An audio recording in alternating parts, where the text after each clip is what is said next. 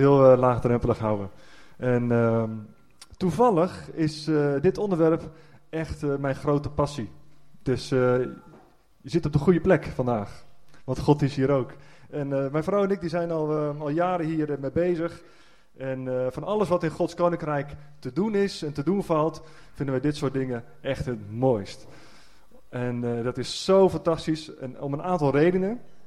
De eerste is, je ziet gewoon de geestelijke wereld waar, God, waar de Bijbel ook over vertelt, die zie je gewoon tot leven komen. We kunnen over God praten, maar als je God aan het werk ziet, dan denk je, dan, dan zie je gewoon van wow, oké, uh, dit is niet meer menselijk, weet je Er gebeurt er iets, er is die kracht, er is die macht, er is autoriteit.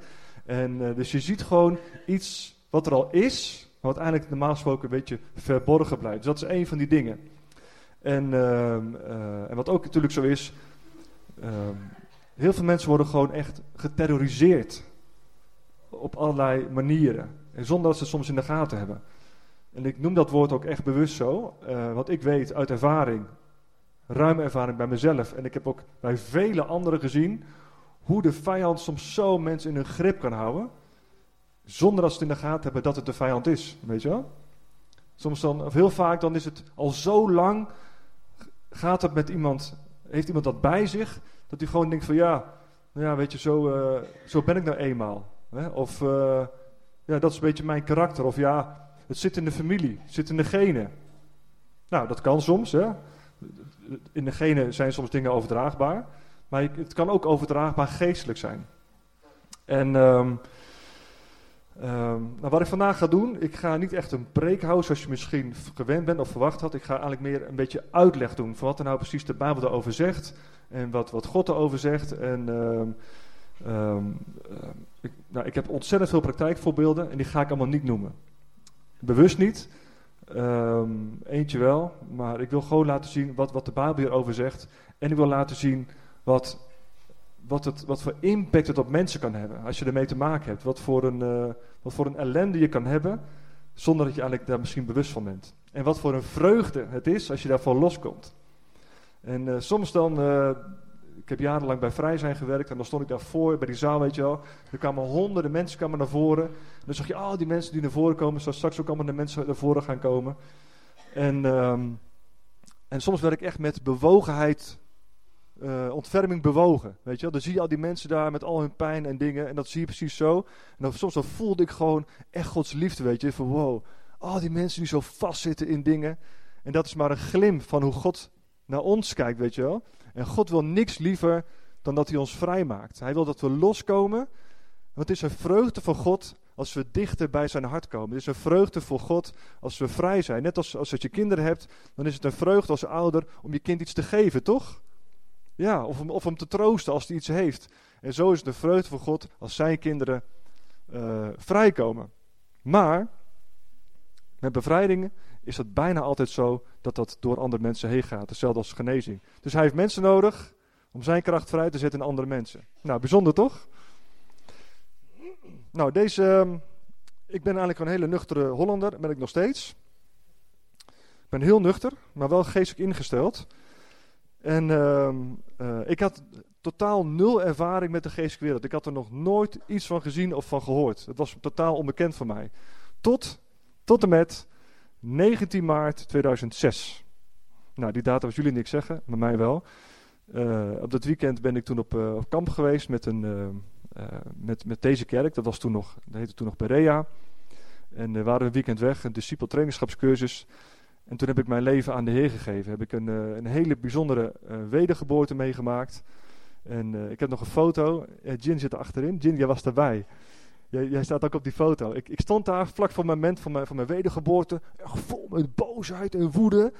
En, en dat was echt een paar seconden voordat ik mijn leven aan Jezus gaf. En iemand heeft toen een foto gemaakt. Dat was echt heel grappig. Dus die foto heb ik nog. En Jin staat er ook op. En ik sta er echt helemaal zo, weet je wel. En ik gaf mijn leven aan de Heer. En uh, uh, nou, dat was echt een bijzonder moment. Maar s'nachts, we gingen s'avonds naar bed. We lagen op zo'n soort kampeerboerderij. En, uh, en, ik zat nog te twijfelen van, zal ik me laten dopen volgende week? De week daarna, nee het was trouwens 11 maart. De 19 maart was de doopdienst, 11 maart was het. Dus 11 maart ben ik wedergeboren en die week daarna, de 19e, zou er een doopdienst zijn. Ik dacht van nou, ik heb nou God in mijn hart en ik voel het helemaal goed en blij. Zal ik me laten dopen? En met die gedachte ging ik, ging gewoon lekker slapen. Op een stapelbedje met allemaal, ja, weet je wel, zo'n kampeerboerderij. En nou, ging heerlijk rustig slapen.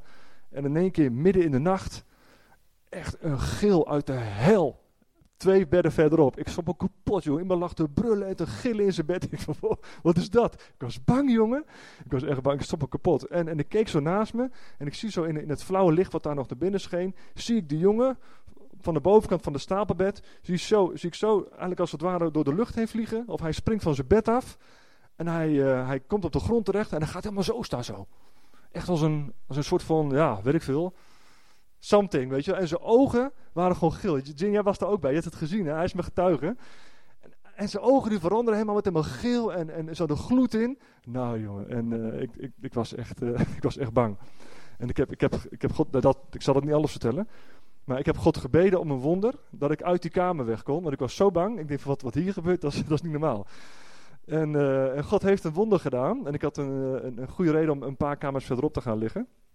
En dat was mijn eerste ervaring met de geestelijke wereld. En dat was shocking voor mij. Ik had nog nooit zoiets gezien.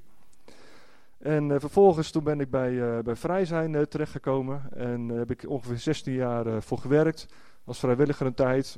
met conferenties. En ik heb ook een aantal jaren leiding gegeven aan de Vrij zijn Bijbelschool.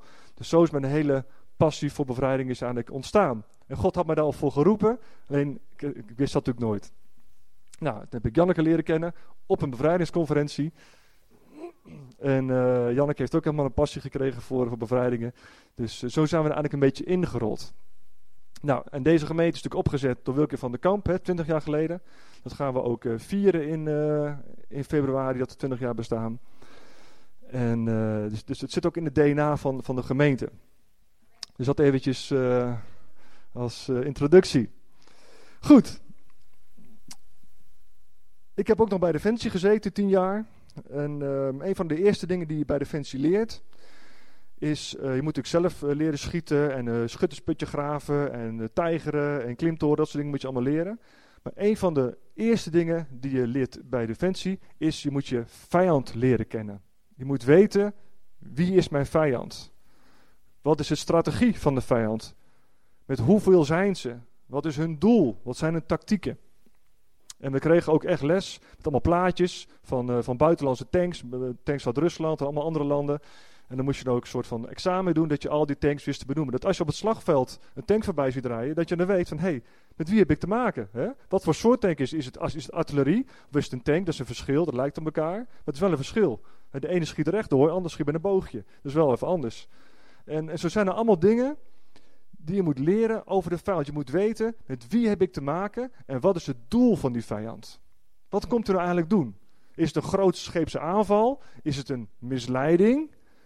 Of wat gebeurt er eigenlijk? Nou, en zo is het ook met, met de geestelijke wereld. Als je gaat bidden voor mensen, dan moet je weten met wie heb ik te maken? Wat gebeurt er? Wat is hun tactiek? En hoe zijn ze binnengekomen?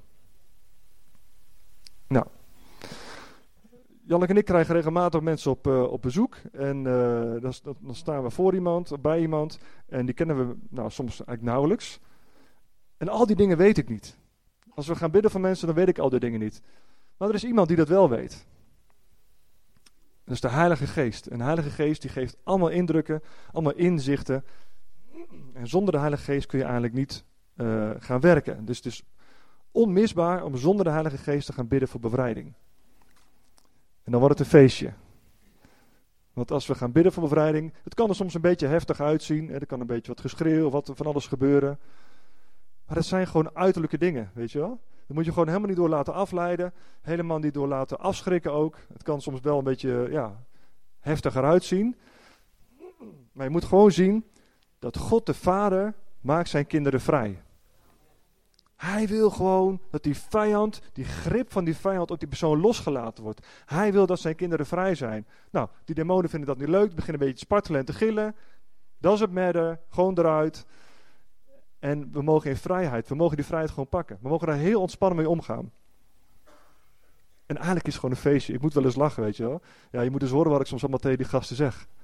Dat is echt... Uh... Zal, ik, zal ik het vertellen? Ja? Oké, okay, oké. Okay. Oké, één praktijkvoorbeeld. Eentje. Eentje, oké. Oké, oké, oké. Nou, vooruit. Kijk, demonen zijn van zichzelf zijn ze wederspannig. Ze willen er niet uit. Dat is hun aard, dat is natuur. Het zijn leugenaars. Ze zijn, het zijn vernietigers, ze willen je gewoon onderdrukken. En ze willen er ook niet uit. Nou, en uh, dat is altijd zo. En soms dan uh, gaat het heel makkelijk, dan uh, gaan ze er zo uit. En, of eigenlijk meestal. Maar soms heb je van die, van, die, van die gastjes erbij, die willen gewoon niet eruit. En dan zeg ik het volgende. Ik zeg, oké, als je nou niet eruit gaat, dan ga ik deze persoon ga ik zegenen, dan ga ik zijn familie zegenen en dan ga ik God vragen of hij deze familie, deze hele generatie zo gaat zegenen dat ze allemaal mensen tot de bekering gaan brengen. Weet je, dat ze allemaal mensen tot de Heer gaan brengen, dat ze gaan evangeliseren, dat ze demonen gaan uitdrijven. Worden ze helemaal gek, joh. En dan gaan ze, dan gaan ze de gillend uit. Dat zijn een van die dingen, dat lees niet in de Bijbel, maar vanuit ervaring kan ik zeggen, it worked. Weet je wel? Want ze houden, gewoon niet, ze houden er gewoon niet van dat de zegen vrijgezet wordt. Als Gods kracht gaat werken in de generatie, als generaties vrijgezet worden, daar houden ze niet van. En als ze dan blijven zitten, dan ga ik gewoon bidden. Ik zeg, Heer, wilt u deze persoon zegenen? Wilt u de ouders zegenen? Wilt u de broer en wilt u de zus zegenen? Heer, wilt u uw genade, uw plannen over deze familie vrijzetten? Dat vinden ze verschrikkelijk. En dan gaan ze weg. Halleluja. Bijzonder, hè? Nou. We gaan even beginnen met een uh, tekst uit uh, Marcus uh, 5, vers 1 tot 11 een welbekende tekst, maar er zit heel veel in. Hij komt ook op de beamer, uh, denk ik zo. Ja, oké. Ze kwamen aan de overkant van het meer, in de streek van de Gadarenen. Zodra Jezus uit de boot stapte, kwam er uit de begraafplaats een man naar hem toe. De man was in de macht van een duivelse geest. Hij woonde in de graven. Niemand kon hem vastbinden, zelfs niet met ijzeren boeien. Hij was wel heel vaak met ijzeren kettingen en voetboeien vastgebonden, maar hij had de kettingen steeds stuk getrokken en de voetboeien kapot gemaakt. Niemand kon hem in bedwang houden. Hij leefde dag en nacht tussen de graven en in de bergen. Daar liep hij te schreeuwen en sloeg hij zichzelf met stenen. Toen hij Jezus in de verte zag, liep hij naar hem toe. Hij liet zich voor hem op zijn knieën vallen en riep luid uit: Wat moet u van mij, Jezus, zoon van de Allerhoogste God? Zweer me bij God dat u mij geen pijn zal doen. Dat is dus niet die man die dat zegt, maar het demon die, die, die door die man heen spreekt. Hè? Want Jezus had tegen hem gezegd: Duivelse geest, ga weg uit deze man. En hij vroeg hem: Hoe heet je? En hij antwoordde: Ja, hier staat leger. Ik weet niet hoe het daar staat. Ook leger. Eigenlijk staat het in de grondtekst legioen. Maar leger, ja, uh, dat is eigenlijk een beetje hetzelfde ook. Uh, legioen, want wij zijn met velen. Uh, wat ik nou? Oh ja. Uh, en hij smeekte hem om hen niet uit die streek weg te jagen. Op de berghelling werd een grote kudde varkens gehoed. Hij vond dat goed. De duivelse geest vertrokken uit de man en gingen uit de varkens. Toen sloeg de hele kudde van ongeveer 2000 dieren op hol. De varkens stortten van de steile bergeling af het meer in. Alle dieren verdronken. Nou, dit geeft een heel mooi inkijkje in hoe de vijand werkt en eigenlijk wat zijn doelen zijn. En ik kan je adviseren om het thuis eventjes rustig na te lezen. En dan moet je eens kijken wat, daar dus, wat, wat voor leven die man die dus hier bezeten is, wat hier staat bezeten, wat voor leven die leidt. Hij is geïsoleerd, hij is afgezonderd, hij schreeuwt, hij slaat zichzelf. Hij is zo sterk soms dat hij gewoon de boeien, kettingen kan breken. En zijn leven wordt gewoon totaal geruineerd. Ja? Dus dat is precies exact wat de vijand wil. Hij wil je leven kapot maken. Hij heeft een doel, hij heeft een tactiek, hij heeft een strategie. En die past hij heel bewust toe. Het koninkrijk van de, van, de, van de duivel, van de vijand, is een georganiseerd koninkrijk. Met hogere en lagere machten, die allemaal hun tactieken hebben. En hun doelen. En hun manier om binnen te komen. Nou, ik zal er niet uh, al te diep op ingaan, maar ik wil wel een paar dingen toch even benoemd hebben. Eén, ze hebben dus een bepaald bewustzijn. Ze zijn zich bewust wie ze zijn en met hoeveel ze zijn. Ze zeggen ook, we zijn legio, we zijn met een heleboel. Ze zijn zich bewust van zichzelf en ze zijn zich bewust van hun, ja, van hun, uh, van de maatjes. Ja? En ze hebben ook exact in de gaten wie Jezus is. Aan de demonen hoef je niet het evangelie uit te leggen. Die weten precies wie Jezus is. Die weten precies wie die is. En die staat ook, dat is zo mooi. Um, toen hij Jezus in de vette zag, liep hij naar hem toe. Hij liet zich voor hem op de knie vallen en riep luid: Wat moet er voor jij? Wat moet u van mij?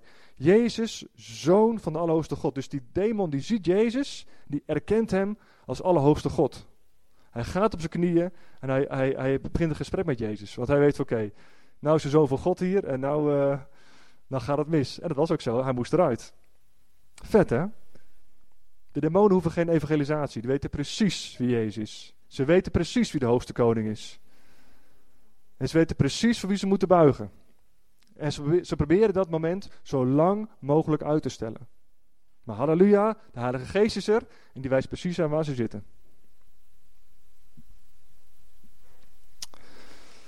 Um,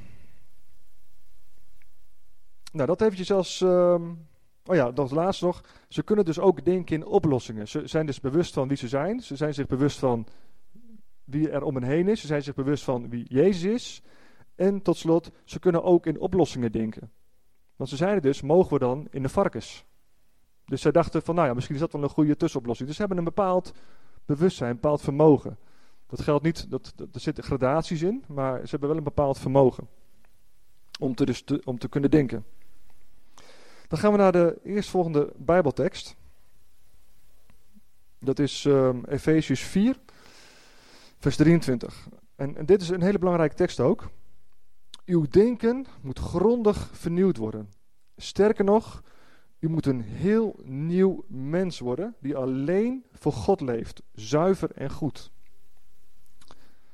Dus jouw gedachten over wat, uh, over de kerk, over God, over de geestelijke wereld, over jezelf, over anderen, over wat dan ook, die moet je opmaken aan wat de Bijbel zegt. Jouw gedachten moet je op één lijn brengen met wat de, wat de Bijbel zegt. Anders heb je dus kans dat je dus beïnvloed gaat worden. Op allerlei manieren. Je kan op een bepaalde manier naar jezelf gaan kijken. Je kan op een bepaalde manier naar de kerk gaan kijken of naar God gaan kijken. Je kan allemaal verkeerde denkbeelden krijgen. Dus je moet je denken op één lijn zetten met God. Met de Bijbel, wat, wat de Bijbel zegt. Um, je moet een nieuw mens worden, een wedergeboorte. Die alleen voor God leeft, zuiver en goed. Nou, wie leefde die altijd zuiver en goed? Nou, gelukkig geen handen. Zag ik naar jouw hand, Jalling? ja, eentje. Kijk, wat, wanneer leef je nou zuiver en goed? Dat is natuurlijk als je met Jezus leeft. Amen? Als je bij Jezus leeft, dan ziet God jou als rein, heilig en rechtvaardig. We kunnen nog steeds zondigen, maar als je dicht bij Hem leeft, dan kunnen er wonderen gebeuren, kunnen bevrijdingen gebeuren. En als je gedachten goed zijn, in lijn met wat Gods woord zijn, zegt, dan kun je vrijheid gaan ontvangen. In het stukje, die tekst die we net lazen, dat lazen we ook dat die man die was bezeten. Kunnen wij als christenen bezeten zijn? Kunnen wij bezeten zijn?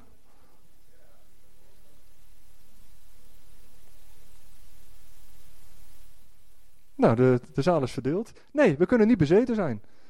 Wij zijn eigendom van Jezus Christus. Wij behoren toe aan Jezus. Ja? Hij is onze koning, hij is onze Heer. Wij zijn 100% eigendom van God. Wij kunnen niet bezeten zijn. Er kunnen wel gebieden in ons leven zijn die nog een beetje wat gebed nodig hebben. Ja, dus we noemen dat gebonden. Maar zo bezeten zoals het hier zo staat, iemand compleet in de macht is van uh, uh, boze geesten, dat kan niet als je met Jezus leeft. Er kunnen wel gebieden zijn. Er kunnen zeker gebieden zijn, ook van christenen, waar bepaalde plekken uh, nog gebed nodig hebben. En eigenlijk gaan we naar. Uh, zijn er drie soorten stemmen die ik even onder je aandacht wil brengen. Drie gedachten. En uh, De eerste is de stem van jezelf. En het gaat eigenlijk over van welke, welke stem, welke gedachte volg jij nou eigenlijk? En ben je bewust van de gedachten en de gevoelens die je soms krijgt? De eerste is de stem van jezelf. Iedereen heeft zijn eigen gedachten. En dat mag ook, dat is ook goed, dat is legitiem. God heeft ons gemaakt met bepaalde gedachten, gevoelens, wensen en verlangens. Dat is goed, dat mag ook. Maar, hoe belangrijk maak jij je eigen gedachten en je eigen wensen? Zijn die ondergeschikt aan wat God zegt? Of zet je je eigen belangen boven wat God zegt? Als God zegt, het is niet goed om elke week met een ander in bed te liggen en je doet dat toch, dan zet je je eigen wensen en verlangens boven wat God zegt. Als God zegt, hey, als je wil weten wat met jou gaat gebeuren, als je je toekomst wil weten, vraag mij. God kan je soms dingen openbaren. En ga dan niet naar de waarzegger. Je moet doen wat God van je vraagt. Dat is belangrijk. Dus de stem van jezelf is belangrijk, is legitiem, maar je moet het niet zetten boven wat God zegt. Het tweede, of de derde, pak die maar eventjes. De stem van God. Nou, de stem van God moet je natuurlijk altijd naar luisteren. De Heilige Geest die spreekt vandaag de dag nog steeds. Het is heel mooi als je dat leert kennen. Het is zo prachtig, lieve mensen. Zoals Jezus had de Heilige Geest nodig. Het is, het is zo bijzonder als, als, als je als, als christen mag leven met de Heilige Geest. Man, dat is, hij gaat je soms dingen laten zien, hij openbaart je dingen, hij kan je soms voor dingen behoeden. Het is, het is heel bijzonder. Het is ook een zoektocht. Ik zeg niet dat het makkelijk is, maar het is wel echt, het is fantastisch. Vol proefjes van de hemel. En de laatste is, welke stem volg jij? Is, volg jij misschien de stem van de vijand? Nou, en daar gaan we even op inzoomen. De stem van de vijand is een hele geniepige stem. Het, probleem met, met, met, met, uh, met, met die drie stemmen, die zijn soms heel dicht bij elkaar. Hoor ik nou mijn eigen gedachten? Spreekt God nou? Of spreekt de vijand nou? En die drie, die zijn soms heel lastig van elkaar te scheiden. Dus daar is onderscheid voor nodig, daar is training voor nodig, daar is een leven met God voor nodig, daar, is, heb je elkaar voor nodig om elkaar te scherpen hierin. En soms dan zijn die gedachten van de vijand, die kunnen als een soort van fluistering zijn. En het lijkt precies op je eigen gedachten. Maar omdat het soms al zo lang bij jou is, herken je het soms niet eens meer. Oh, dat, zo ben ik gewoon. Zo ben ik. We hadden het er vanochtend nog even over in de voorbeden. Met een paar mensen. Dat, dat, uh, was ook een, christen. En die leeft al jarenlang met, met de Heer. En die, zegt gewoon, uh, die zei vanochtend: Ja, ik heb gewoon af en toe last dat ik in, in mijn gedachten ga vloeken. Dan ga ik zo in één keer ga ik GVD zeggen in mijn gedachten. Nou, het is niet, dat is niet de, de, gedachte van God.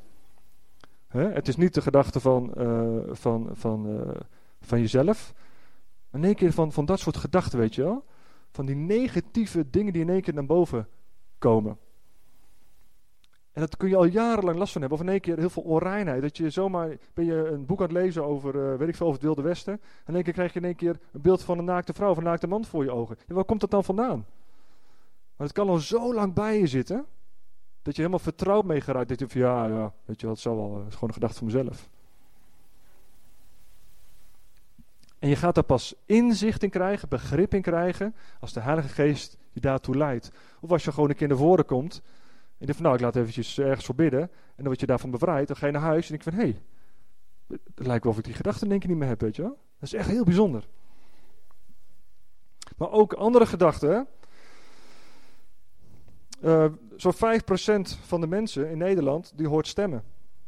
Gemiddeld zo'n 5%. Ik geloof 3 tot 5% van de mensen. Nou, ik weet niet hoeveel procent dat is, hoeveel mensen dat zijn. Maar het zijn er nog heel wat in Nederland. En die stemmen, die zeggen ook nooit leuke dingen. Die zeggen nooit leuke dingen. Die zeggen altijd dingen van, nou, uh, steek je buurman neer, of spring voor de trein, of maak er een eind aan, weet je wel. Dat, dat soort dingen zeggen die stemmen altijd. Die zeggen nooit van, nou, koop eens een bosje bloemen voor je, voor je moeder. Of, uh, weet je wel. Nooit zeggen die stemmen leuke dingen. Dat geeft toch te denken. Zelf niet van God. Maar ook woorden als, uh, je doet er niet toe. Je hoort er niet bij. Het wordt nooit wat met jou. Niemand geeft het jou. Niemand geeft het jou. Je bent slecht. Mensen houden niet van je. God houdt niet van je. Je bent lelijk.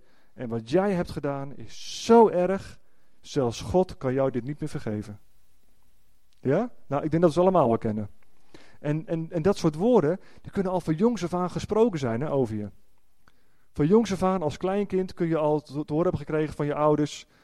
Ja, met welke intentie dan ook. Van nou ja, weet je, jij, jij kan niet leren. Of uh, nou, jij, uh, jij, eigenlijk doe je er niet toe.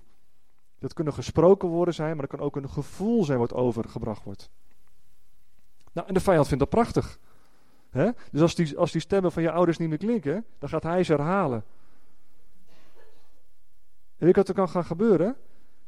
Dan kun je ze gaan geloven. Dan ga je ze geloven.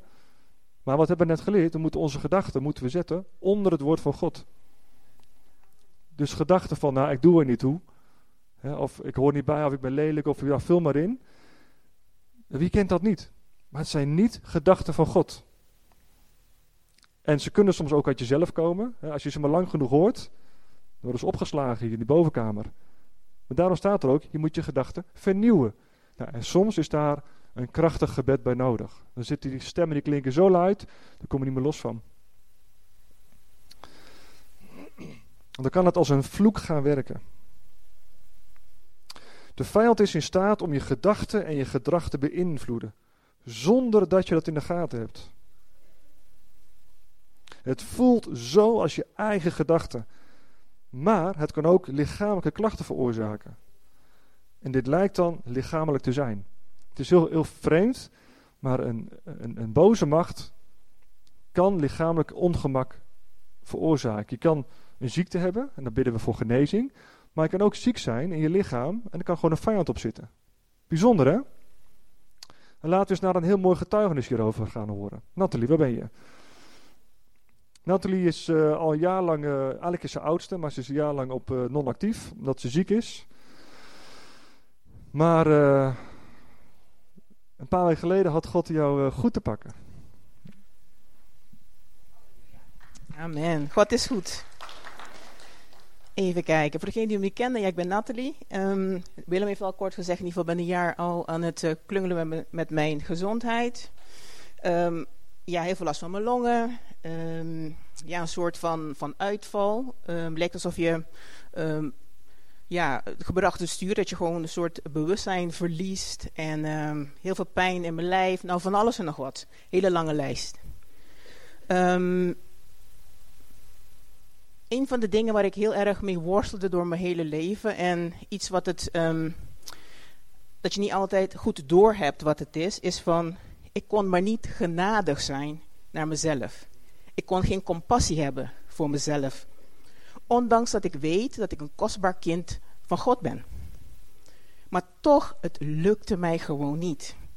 Ik legde de lat altijd heel hoog voor mezelf. Um, ik kan echt lief zijn voor de ander extra mijl gaan, alle begrip van de hele wereld tonen voor de ander, maar niet voor mezelf.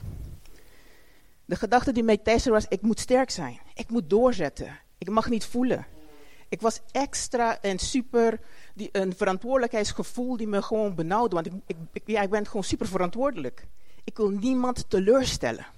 Dus alles wat ik deed is van, dan doe ik het extra goed en extra mijn best, want ik wil niemand teleurstellen. En in, in, in, ziekteproces werd het me duidelijk hoe gevangen ik zat in die gedachten. En het maakte me gewoon ziek. En ik werd steeds zieker. En het zieker worden voelde als falen. En ik, alsof ik zo faalde gewoon. Ik kon gewoon niet toegeven weet je, het gaat niet goed.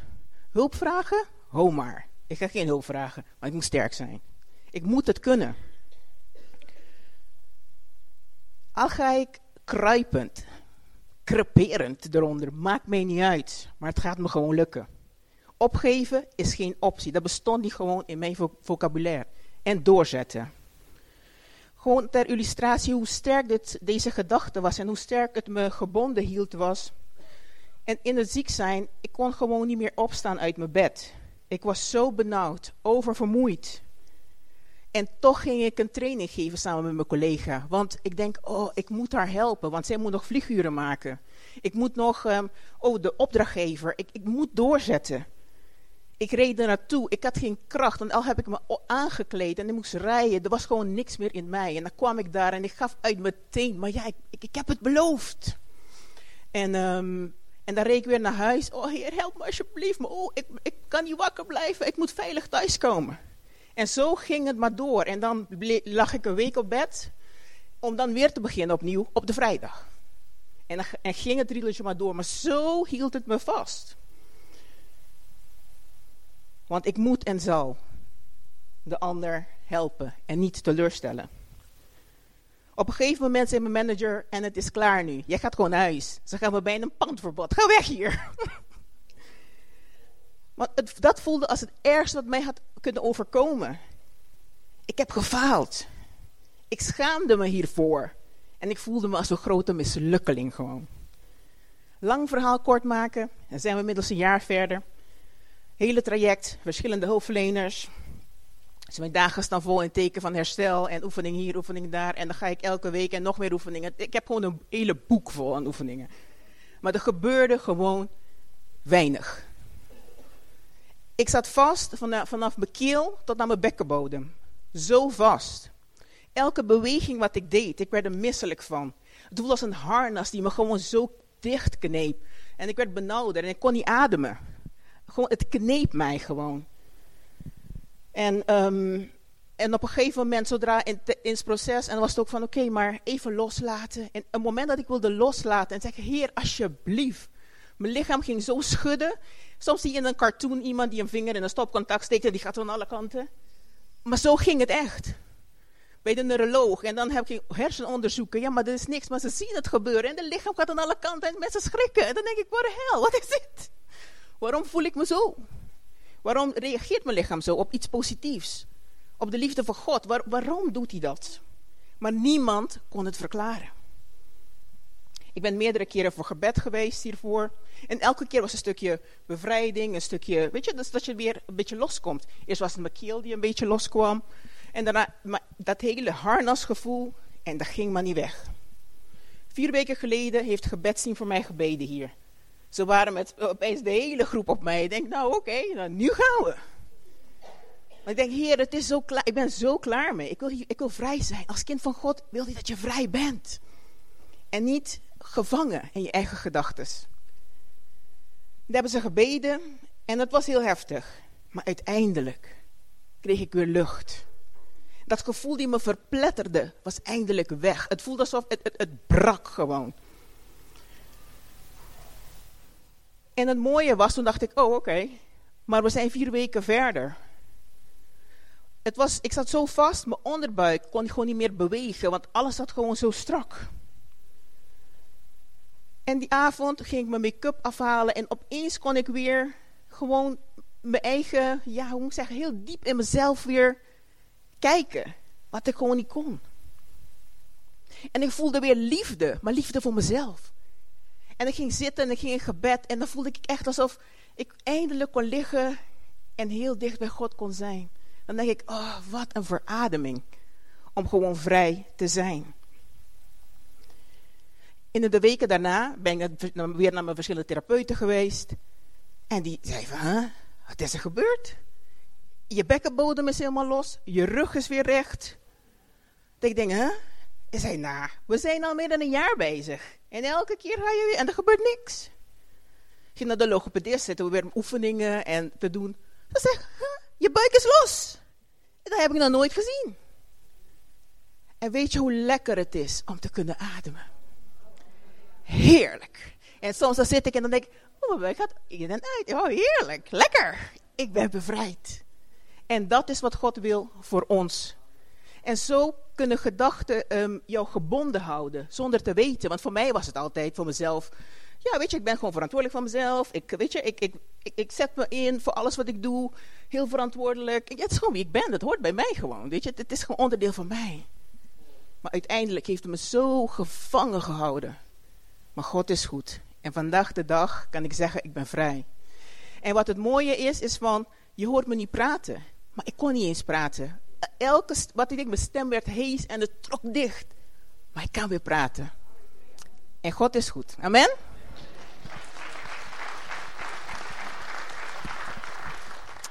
Ja, fantastisch, fantastisch. En, uh, en dat is ook, uh, er is ook nog een andere kant van het verhaal aan. Nathalie is ook heel vaak naar voren gegaan voor gebed. En soms dan met de laatste loodje energie ging ze naar voren toe, soms kleine bevrijdingen. maar dit was echt een mega. We, hebben echt, met man of vijf, zes, weet je, gingen we echt zo nou eens even te pakken nemen. En, um, maar bevrijding, je weet ook nooit precies waar het zich in vertakt heeft. Kijk, als je, als je bidt voor een gebroken been, dan, dat, dat been dat hield dan, nou, dat is heel makkelijk, hè? bid, nou, is een been klaar. Maar voor bevrijding, je weet nooit precies wat de vruchten daarvan zijn. En we, zagen natuurlijk wel dat Nathalie bevrijd werd, maar dat het, dat het zo impact zou hebben, dat, dat, ze, dat, ze, dat ze gewoon weer kan praten, weet je wel. Ja, dat is echt bijzonder, dus uh, halleluja. We houden van bevrijdingen. Oké, we gaan eh, naar de volgende tekst, Efeze 6. Hoe laat is het eigenlijk?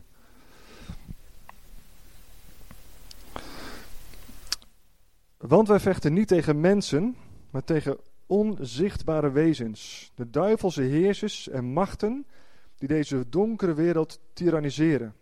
Boosaardige geesten in de onzichtbare wereld om ons heen.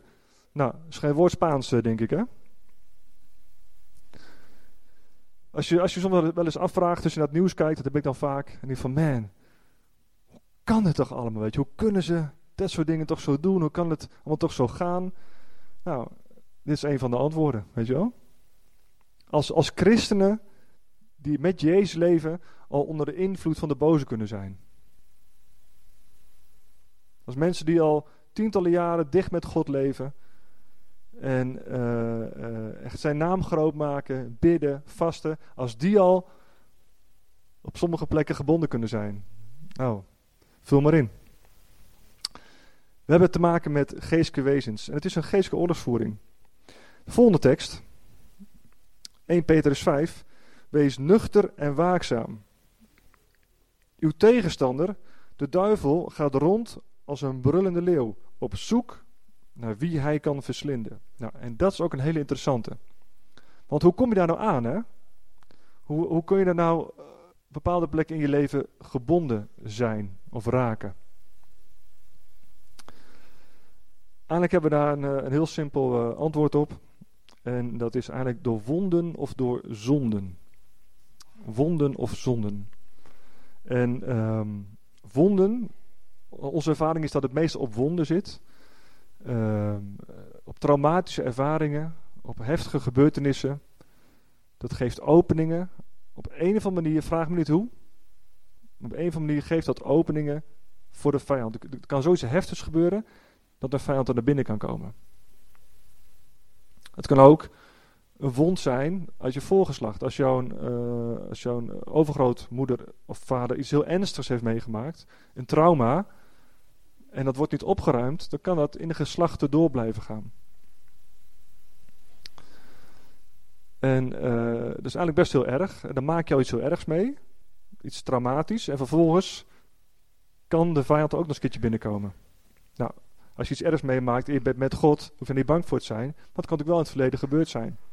En, God is daar om het op te ruimen. Wonden en zonden. De zonden. Nou, als jij uh, als kind of misschien nog steeds uh, uh, gaat glaasje draaien, geesten oproepen, even heel concreet te maken, dan moet je niet te gek staan te kijken of s'avonds in je kamer in keer de lampen gaan knipperen. Dat je allemaal activiteiten in je huis hebt, weet je wel? En dat is nog onschuldig, maar het, de vijand gaat rond als een brullende leeuw, zoekende wie hij kan verslinden. Dus hij gaat op zoek naar ingang in jouw leven om jouw leven zuur te maken. Dus als je bijvoorbeeld gaat glaasje draaien, dat is natuurlijk een hele nou, heel, uh, uh, uh, simpel voorbeeld. Maar dan open je dus jezelf en je huis voor de vijand. Nou, en ze komen graag binnen hoor. Ze komen heel graag binnen. Dus dat zijn gewoon poorten die je zelf openzet. Door zondige dingen te doen. God zegt ook, je mag niet de geesten van doden raadplegen, van anderen. Waarzeggerij mag helemaal niet. En dat is niet omdat God een strenge God is dat hij dat wil verbieden. Van, dat mag niet. Nee, hij wil dat niet omdat hij weet dat het niet goed voor je is. Hij weet als je dat soort dingen doet, dan laat je je in met machten waar je niks mee te maken wil hebben. Um, Reiki. Of healing. Dat, dat, dat, soort uh, dingen allemaal.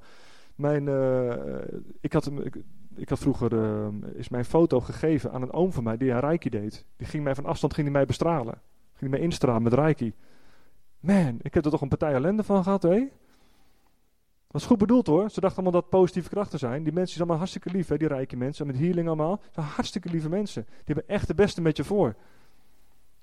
Want je gaat er naartoe en je hebt last van je rug. Even, oh, nou, ga even naar een uh, healingmeester, weet je, of een reiki-meester. Nou, dan gaan ze een beetje stralen, een beetje je helpen. Nou, je bent van je rugpijn af, dat klopt. Maar vervolgens krijg je alleen maar een bagger ellende over je heen. En je denkt, waar komt, waar komt het toch vandaan, weet je, hoe kan die ellende toch zo werken in mijn leven? Nou ja, waar ben je geweest? Welke bron uit welke bron is jouw genezing gekomen? Welke bron heb je geraadpleegd?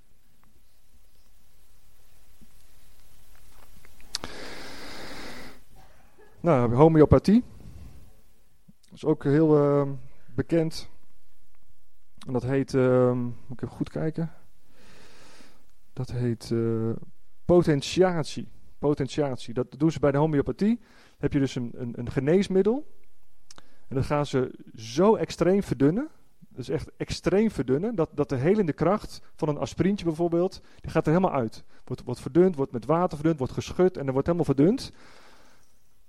Maar aan het eind, dan heeft, heeft de homeopathisch middel heeft toch nog uh, geneeskrachtige werking. Nou, waar komt dan die werking vandaan? Als wetenschappelijk bewezen is dat die werkende stof eruit verdund is, waar komt dan die geneeskrachtige werking vandaan? Ja? Er zijn zoveel dingetjes waar je zomaar in verstrikt kan raken. Het enige wat wij moeten doen, is het bij God zoeken. Buiten God om is het niet veilig. Als je de geestelijke wereld ingaat, is het gewoon bidden met God. En Hij voorziet in alles. We hoeven niks buiten God te zoeken. Alles is in Hem. En ik kan nog een hele waslijst. Ik heb thuis zo'n boek met allemaal dingen die je zou kunnen doen. Ga ik allemaal niet noemen. Ik noem gewoon een paar dingetjes. Weet je wel? Zoek het gewoon bij God. In Hem is alles. En daar gaan we ook van horen. Sari, mag ik je uitnodigen? Sari gaat wat getuigenis delen van wat God vorige week gedaan heeft. Dankjewel. Ja, vorige week was een hele bijzondere dienst. En heel veel mensen hebben ook al ervaren dat God in ons midden is. Wie heeft dat ervaren? Ja, Heel veel mensen kwamen naar voren voor gebed. En ze werden aangeraakt door God in hun geest, in hun ziel of in hun lichaam. En ze voelden ook echt Gods liefde en Gods aanwezigheid. En veel mensen werden bevrijd van hun klachten. En niet alleen dat, maar soms dan hadden ze ook echt een vermindering van de klachten. En dan uh, mag je gewoon doorgaan met bidden. Ik heb bijvoorbeeld een last van een uh, artrose in mijn rug. Maar ik ga elke dag zeggen: Dank u wel, Heer Jezus, dat ik zo goed functioneer. Dank u wel dat ik geen operatie nodig had. Want een paar jaar geleden zou ik geopereerd worden. Maar ik functioneer nog steeds. En ik heb altijd wel een beetje chronische pijn. Dat is niet leuk. Maar ik ben een blij mens. En ik zeg, dank u wel Heer Jezus, in uw streamen ben ik genezen. En onze woorden hebben kracht. Jezus is de, de hoge priester van onze beleidenis, van wat wij zeggen. Dus ga positieve dingen zeggen en je zult het ook ervaren. Iemand werd aangeraakt in haar of zijn schouder. Dat werd warm. Een ander werd bevrijd van zenuwpijn vorige week. En die is zo blij. Ze, ze liet niet eens voor zichzelf bidden. Ze bad zelf voor een ander en ontvang bevrijding van zenuwpijn. Een ander heeft geen last meer van chronische pijn in heupen, knieën en voeten. Is dat ook niet geweldig? Jaren last gehad en ineens zegt ze: Ik ben vrij. Fantastisch. En een vrouw die werd ook genezen van depressie. Had echt een deken van depressie over zich heen. En we mochten deze deken verbreken. En ze moest gewoon ook gillen. Er gebeurde van alles. Ze kwam in de vrijheid. Toverbanden werden verbroken. Als wij verkeerde bindingen hebben met personen, dan kunnen daar toverbanden komen. Dan ben je uh, eigenlijk emotioneel zit je vast aan die andere persoon. En het is net als een transportband. Daar komen dingen bij jou binnen en dingen van jou gaan naar die andere persoon. Dus als je nog vastzit aan uh, personen en wat niet goed is, is het ook heel goed om voor bevrijding te laten bidden. Diverse mensen ontvingen ook doorbraken. En ze ervoeren een nieuwe vrijheid. Anderen werden bemoedigd en kregen nieuwe hoop. Jezus is dezelfde. In Hebreeën 13, vers 8 staat: Hij is dezelfde. Gisteren, vandaag en tot in eeuwigheid. Toen de mensen op aarde bij hem kwamen, genas hij alle ziekten. En alle mensen werden bevrijd van boze geesten. Hij zei tegen niemand, nou, uh, ik hoef jou niet hoor. Ga eerst dan maar even naar huis, ga nog maar een half jaar bidden, kom dan maar eens terug. Nee, hij zei, kom maar. Ik wil je vrijmaken. En hij nodigt ook jou en mij vandaag uit om te komen. Met verwachting en met geloof. En misschien denk je wel, ja, mijn geloof is maar zo klein. Maar de Heer Jezus zegt, als je het geloof hebt als een mosterdzaadje, dan kan je tegen deze berg zeggen, werp, ik werp jou in de zee, ga in de zee. En dat die moeilijkheid, dat probleem, dat zal daar moeten wijken voor de naam van Jezus. Want Jezus is groot en machtig. En hij wil ons vrijzetten. En weet je waarom hij dat wil? Omdat hij de prijs heeft betaald. Hij werd gedood voor onze zonden. En hij werd gegezeld om ons genezing te kunnen geven. Hij heeft die prijs betaald. En wij hoeven die prijs niet meer te betalen als we een kind van God zijn. En als je nog geen kind van God bent, kom daar vandaag en geef je leven aan Hem. Want dan krijg je het echte leven. Dan word je echt vrij. En uh, ja, Hij wil je ook echt uh, zoveel vreugde geven dat je een heel nieuw mens wordt. Hij gaat je van binnenuit helemaal veranderen. En jij mag leven als een dochter van, of een zoon van God. Is dat niet fantastisch? Dus kom naar hem toe. En laten we hem een groot applaus geven voor wie hij is en wat hij doet.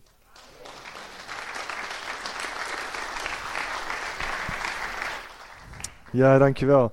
Ik wil toch nog eventjes uh, Jannie hier uitlichten inderdaad. Jannie heeft, uh, had uh, jarenlang dag en nacht last van zenuwpijn. En uh, ze konden s'nachts ook niet van slapen, werd uh, regelmatig wakker.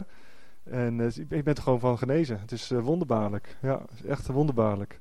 Goed, we gaan richting een afronding. We gaan nog even een filmpje kijken, een heel mooi filmpje. En uh, voor telefoon trouwens. Oké. Uh, we gaan een heel mooi filmpje kijken. De kwaliteit van het geluid kan even wat, uh, wat minder zijn, want we, hebben even een, via een omweg moeten we dat doen. Maar uh, we gaan ons best doen om er iets moois van te maken. Dus ik weet niet wie dat allemaal gaat regelen, maar... Uh,